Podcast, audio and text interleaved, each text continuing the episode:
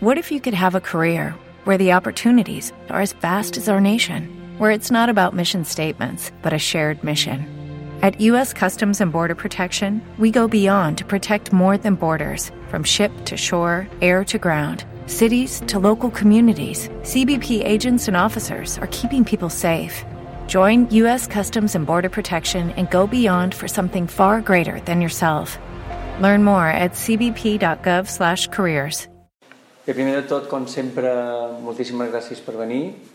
En aquesta roda de premsa a la seu del Partit Socialista de les Illes Balears, que qualsevol feim setmanalment i, i anant donant compte de les situacions que, que passen a Europa, en les dues cambres, tant en el Congrés com en el Senat, també d'altres temes. Nosaltres aquesta setmana voldríem començar expressant eh, des del Partit Socialista de les Illes Balears la nostra satisfacció per les solucions i per les certeses que estan donant a els ciutadans i ciutadanes de Balears i també del conjunt de l'Estat.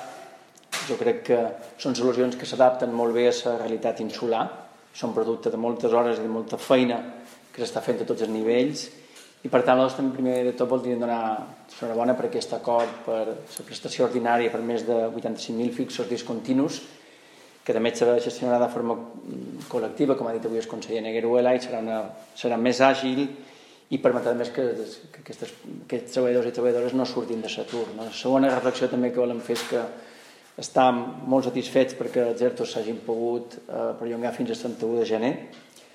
Des del Partit Socialista pensam que és una molt bona notícia per Balears i també és una mostra d'una manera de fer i nosaltres volem tornar a reivindicar no, que en temps de crisi, en una situació de, d'emergència des del principi de la pandèmia, el fet de treballar des de l'acord, des del diàleg i el pacte, diríem que permet posar en valor aquestes mesures encara més.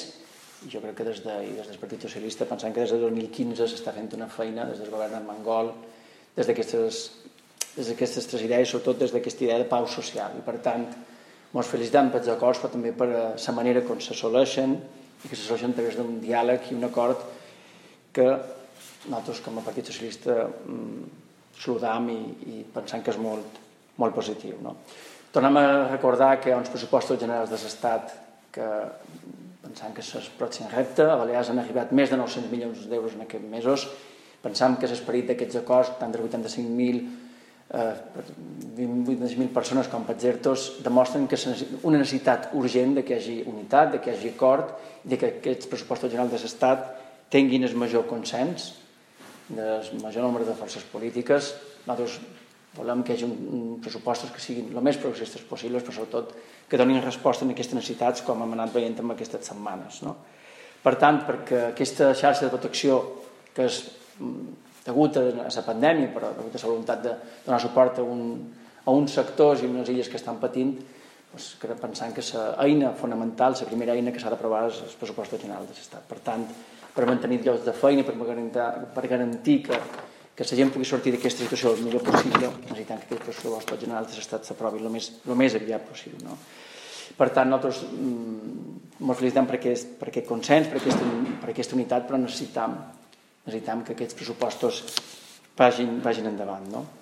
Jo també voldria destacar d'aquesta setmana que els ajuntaments, que les comunitats autònomes podran invertir més i invertir millor per donar resposta a la ciutadania amb, amb els pressupostos amb els propers pressupostos, perquè les regles fiscals, les regles de despesa que sigui comúment, comúment per 2020 i 2021 s'aixequen i per tant jo crec que hi ha gestos clars i importants per part del Ministeri d'Hisenda de, d'acompanyar molt de prop a les administracions que estan més a prop del ciutadà i també a les, comunitats per, perquè puguin invertir i puguin fer front a aquesta pandèmia, la crisi que hi ha.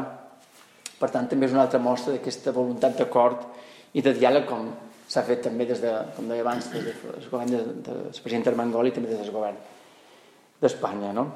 Um, una valoració que, que, que em sembla important és que ahir vàrem jo en aquest cas vaig votar a favor de la creació d'una comissió d'investigació per cas Kitchen. Jo crec que és, una, és important en aquests moments que s'esclareix la situació i també en el Congrés. És cert que hi ha un procés judicial en curs, però això se va aprovar ahir i pensam que és important que mm, un partit que té una situació complexa doni resposta en aquesta, en aquesta situació d'espionatge gairebé des de, des de la xarxa de l'Estat eh, i que afecta molt clarament, presumptament, també en el Partit Popular.